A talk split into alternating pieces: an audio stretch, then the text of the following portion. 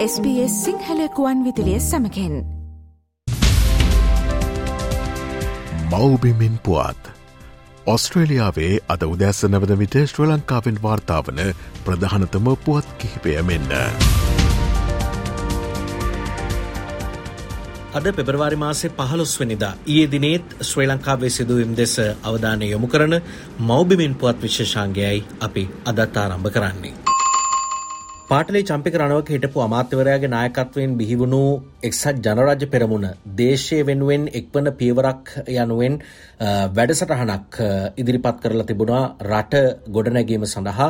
ඉතින් ඔහු ඊයේ දවසේ මේ වැඩපිළිවෙල කොළඹ ලක්ෂ්මන් කදිරගාම මධ්‍යස්ථානයේදී ජනගත කිරීමේ අවස්ථාව තිබුණා. එහිදී ඔහු සඳහන් කළා පවතින තත්වයෙන් රට මුදාගන්න, සංවර්ධනය කරා මෙහෙවන්න හැම වෙලාවෙම එක්වෙන්න පුළුවන් පොදු වැඩපිළිවෙලක් හඳුන්වා දීම Tamanගේ ප්‍රමුඛ අරමුණ බව රට සංවර්ධනය කරලා ජනතාවගේ ජීවන තත්ත්වය නංවලා ඒ සඳහා අවශ්‍ය සැලසුම් දේශය වෙනුවෙන් එක් පියවරක් කියන මේ වැඩසටහන තුළ පවතිනවා කියලත් පාර්ටි චම්පක රණෝක හිටපු ඇමතිවරයා සඳහන් කළා මේ ගැන විවිධ පාර්ශව සමගත් ඉදිරියේදී සාකච්ඡා කරන්න බලාපොරොත්තු වෙනවා කියලා කිව්වා.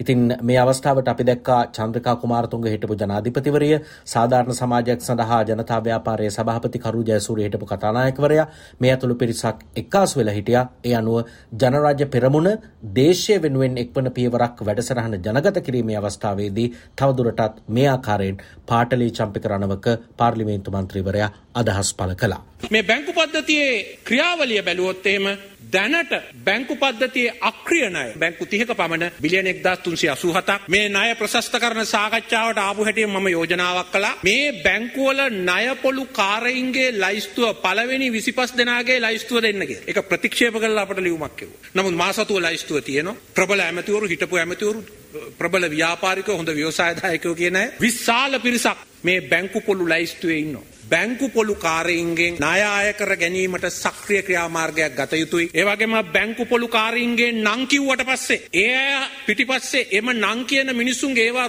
ඒවා තමන්ගේ YouTube නාලිකාවල කරන මිනිසුන්ගේ දුරකථන කැමරා අත්තඩංගුවට ගැනීමට රහස් පොලිසිය මෙහෙවන තත්ත්වයක් තමයි අද තියෙන්නේ. අමාත්‍යවරයෙකු ලෙස කටයුතු කරන කාලේ අයථා ලෙස උපයාගත් බවට සඳහන් කරලා තියෙන රුපියල් ලක්ෂ 274ක මුදලක් යොදවලා බොරැල්ල ප්‍රදේශයේ සුකොපභෝගී නිවසක් මිලදී ගැනීමේ සිද්ධියක් සම්බන්ධයෙන් මහින්දානන්ද අලුත්ගමගේ හිටපු අමාත්‍යවරයාට චෝදනා එල්ල වෙලා තිබුණා. එතකොට ඔහුට විරුද්ධව පනවලා තියෙන නඩුවක තීන්දුව ලබන අප්‍රේල් 25 වෙනිදා ලබා දෙන්න නියමිතයි කියලා වාර්තා වෙනවා කොළඹ මහාධිකරණ මිනිස්සුරු නවරත්න මාරසිංහ මේ බව සඳහන් කරලා තියෙනවා. නීතිපතිවරයා හිටපු අමාත්‍යවරයාට එරෙහිව මේ නඩුව ගොනු කරලා තියෙනවා. කොමුණත් නඩුව කැඳවපු අවස්ථාවේ නීතිපතිවරයා වෙනුවෙන් පෙනී හිටපු ජ්‍යෙෂ්ඨ නියෝජ්‍ය සොලිසිටර් ජනරාල් සනිල් කුලරත්න මහතා විත්තිකාර මහින්දානන්ද අලුත්ගමගේ මහතා වෙනුවෙන් පෙනී හිටපු ජ්‍යෙෂ්ඨ නීතිඥ කාංචන රත්වත්තේ මහතා නඩුව සඳහා වාචික කරුණු දැන්වීම් සිදු කරලා තියෙනවා. ඒ සඳහා වන ලිඛිත දේශන ඉදිරියේදී බාර දෙන්න නියමිතයි. කොමුණත් ලබන අප්‍රේල් 25 වෙනිදා මීට අදාළ තීන්දුව ප්‍රකාශයට පත් කරන්න නියමිත වෙලා තියෙනවා. රටේ ආර්ථික තත්ත්වය සම්බන්ධයෙන් නැවතත් රයිල් වික්‍රමසිංහ ජනාධිපතිවරයා ඊයේ අදහස් පළ කිරීමක් සිදු කළා. ඒ 2024 අවුරුද්දට අදාළ පාසල් පෙළපොත් සහ නිල ඇඳුම් බෙදා දීමේ ජාතික වැඩසටහනට එක්වෙමින් තමයි ජනාධිපතිවරයා මේ අදහස් පළ කළේ. රට ආර්ථික පරිවර්තනයකට යොමු කරනවා නම් ලෝකයට ගැළපෙන අලුත් අධ්‍යාපන ක්‍රමවේද අවශ්‍යයි. ඒ වගේම තරගකාරී ලෝක වෙළඳපළට අවශ්‍ය වෘත්තිකයන් බිහි කරන්නත් ඒ හරහා පුළුවන් වෙනවා කියලා රයිල් වික්‍රමසිංහ ජනාධිපතිවරයා සඳහන් කළා. මේ පිළිබඳව වැඩිදුරටත් අදහස් පළ කරපු ජනාධිපති රනිල් වික්‍රමසිංහ මහතා. මේ අධ්‍යාපන ක්‍රමේ අඩුපාඩුකම් ගණනාවක් තියෙනවා. ඉතින් ළඟදිම ඇමතිතුමා අලුත් අධ්‍යාපන ප්‍රතිසංස්කරණය ගැන යෝජනා ඉදිරිපත් කරයි. එකක් තියෙන විභාග බර අඩු කරන්න. එක විභාගයක් හරි අපි අඩු කරලා දාන්න. ඉංග්‍රීසි උගන්වන එක, තාක්ෂණය උගන්වන එක. ඒ වගේම වෘත්තීය විද්‍යාල ඇති කරන්න. විශ්වවිද්‍යාලයේ සංඛ්‍යාව වැඩි කරන්න. ඒත් අපිට එකක් තියෙනවා. අධ්‍යාපනයේ අවසන් කරාම රැකියාව ලබා ගන්නට අවස්ථා තියෙන්න ඕනේ. එහෙනම් රැකියාව මේ රටේ තියෙන්න ඕනේ. මේකට කාරණා දෙකක් තියෙනවා. ඇමතිතුමා කරන්නේ මේ කාලයට සුදුසු රැකියාවලට යන්ට අධ්‍යාපන ක්‍රමයක් ඇති කරන්න. ඉතුරු ටික අපිට බාර දීලා තියෙන්නේ විශේෂයෙන්ම ඒ අලුත් රැකියා බිහි කරන්න. අද ඒ රැකියා නැහැ. අද ඉන්නේ අපි බංකොලොත්තුනේ ආර්ථිකය. 20 21 වර්ෂයේ 20 22 වර්ෂයේ 20 23 වර්ෂයේ ගැන මම අලුතෙන් කියන්න උවමනා නැහැ. අපි දන්නවා මෙතන පිරුම් හර ළඟ පෙට්‍රෝල් ෂෙඩ් එක ළඟ තිබුණේ. දවසට විදුලි බලය තිබුණේ. කොහෙන්ද තෙල් හොයාගන්නේ කියලා දෙමව්පිය බලන. ආහාර නැහැ. හරි අමාරුවෙන් අපි ගියේ. මම හිතන්නේ කවුරුත් ඒ යුගයට ආපහු යන්න කැමතියි කියලා. ඒ යුගයට යන්න කැමති අත උස්සන්න කිව්වොත් කවුරුත් අත උස්සන්නේ. නැවතත් රට තුළ මැතිවරණ උණුසුමක් ගොඩනැගමින් තිබෙනවානේ පහුගිය වතාවෙත් පුංචි ඡන්දය පවත්වන්න උත්සාහ කළත් සල්ලි නැති හින්දා පැවැත්වුණේ නැහැ. මේ පිළිබඳව මුදල් රාජ්‍ය අමාත්‍යවරයාගෙන් ඊයේ දවසේ මාධ්‍ය විමසීමක් කළා ඒ තමයි කුරුණෑගල වැවිලි සමාගමට අයිති ඌරාපොළ නව අලෙවි මධ්‍යස්ථානයේ විවෘත කිරීමේ අවස්ථාවට රංජිත් සිඹලාපිටියේ මුදල් රාජ්‍ය අමාත්‍යවරයා ආපු වෙලාවේ මාධ්‍යවේදීන් මේ ඉදිරියේ පැවැත්වෙන මැතිවරණ සම්බන්ධයෙන් අදහස් විමසීමක් කළා. එහිදී රංජිත් සිඹලාපිටියේ මුදල් රාජ්‍ය අමාත්‍යවරයා සඳහන් කළා මැතිවරණ පවත්වන්න රුපියල් බිලියන 10ක මුදලක් වෙන් කරලා තියෙනවා.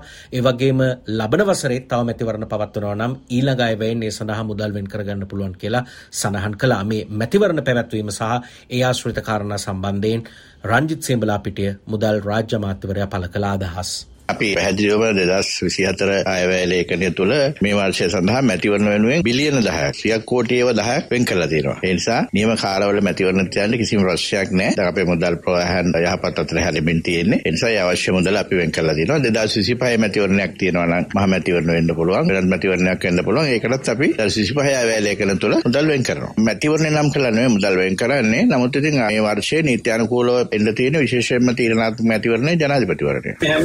විපක්ෂයේ චෝදනා කරනවා නියුත්මාලා මැතිවරණවල බයයි කියලා. මේ අපේ රටේ විපක්ෂයෙන් ඔයිට වැඩි යමක් බලාපොරොත්තු වෙන අමාරුයිනේ. ඒගොල්ලෝ චෝදනා නොකරපු දවසක් කියන්නේ චෝදනා නොකර දෙයක් කියන්නේ අපි දන්නවනේ දැන් මොනවා කිව්වත් 2022 තිබුණු රටයි දැන් රටයි වෙනස්නේ. යම් කිසි දෙයක් තියෙනවානේ වෙනසක් වෙලා. හැබැයි අපේ රටේ විපක්ෂය කිසිම දවසක පිළිගත්ත දවසක් තියෙනවා නම් මේ දේ හොඳයි මේ දේ නරකයි කියලා එහෙම කියලා නෑ කවදාවත්. ඒ නිසා මට අහන්න තියෙන අර පරණ කතාවක් තියෙන සියඹලා ඇත්තේව නැද්ද කියලා.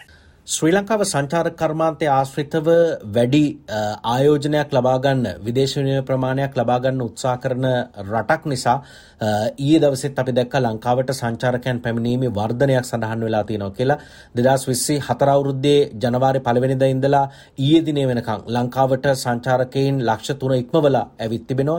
ඒ වගේම පෙබරවාරි 13 වෙනිදා වන විට පෙබරවාරි මාසයේ මුල් දවස් 13 ඇතුලේ දෙවෙනිට පැමිණි සංචාරකයන් සංඛ්‍යාවත් ලක්ෂයකට ආසන්න වෙලා තියෙනවා. ජනවාරි මාසයේත් ආපු 2,8523ක සංචාරක ප්‍රමාණය සලකද්දී මේ වසරේ මේ දක්වා කාලය තුළ සංචාරකයන් තුන්ලක්ෂ හයදස් හත්සි අට දෙනෙක් ලංකාවට ඇවිල්ල තිබෙනවා. පසුගිය වසරක් එක්ක සංසන්ධනය කරද්දි මෙවාර වසරෙන් හතරෙන් එකක වගේ කාලසීමාවක් තුළ වැඩි සංචාරකින් ප්‍රමාණයක් ශ්‍රී ලංකාවට ආකර්ශණය කරගන්න සමත් වෙලා තියෙනවා. සෞඛ්‍ය අමාත්‍යංශයේ බලධාරීන් සමග සෞඛ්‍ය සේවකයින් පෙරේදා පවත්වපු සාකච්ඡාව සාර්ථක නොවීම නිසා ඊයේ දවසේ වැඩවර්ජනයෙන් නිරත වෙන්න වෘත්තීය සමිති 72ක් රජ රෝහල්වල සෞඛ්‍ය වෘත්ති සමිති 72ක් කටයුතු කරලා තිබුණා. කොමුණත් මේ වර්ජන ක්‍රියාමාර්ගය සම්බන්ධයෙන් ඊයේ රාත්‍රියේත් සාකච්ඡාවක් පවත්වලා තිබුණා.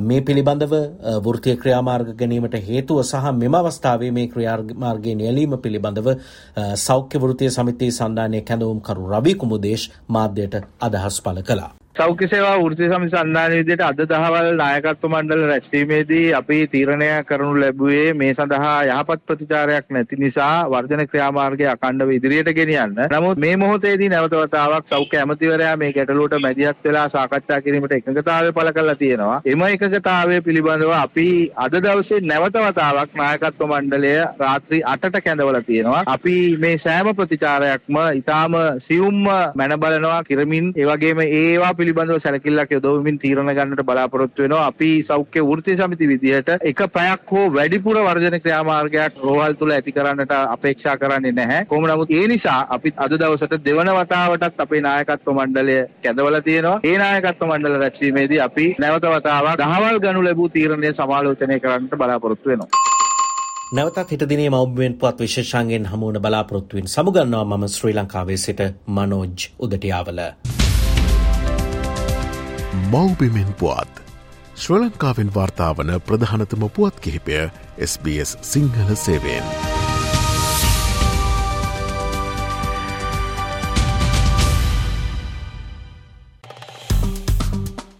ලයි කරන්න ෂයා කරන්න අදහස් ප්‍රකාශ කරන්න SBS සිංහල ෆස්බුක් පිටුව ෆලෝ කරන්න.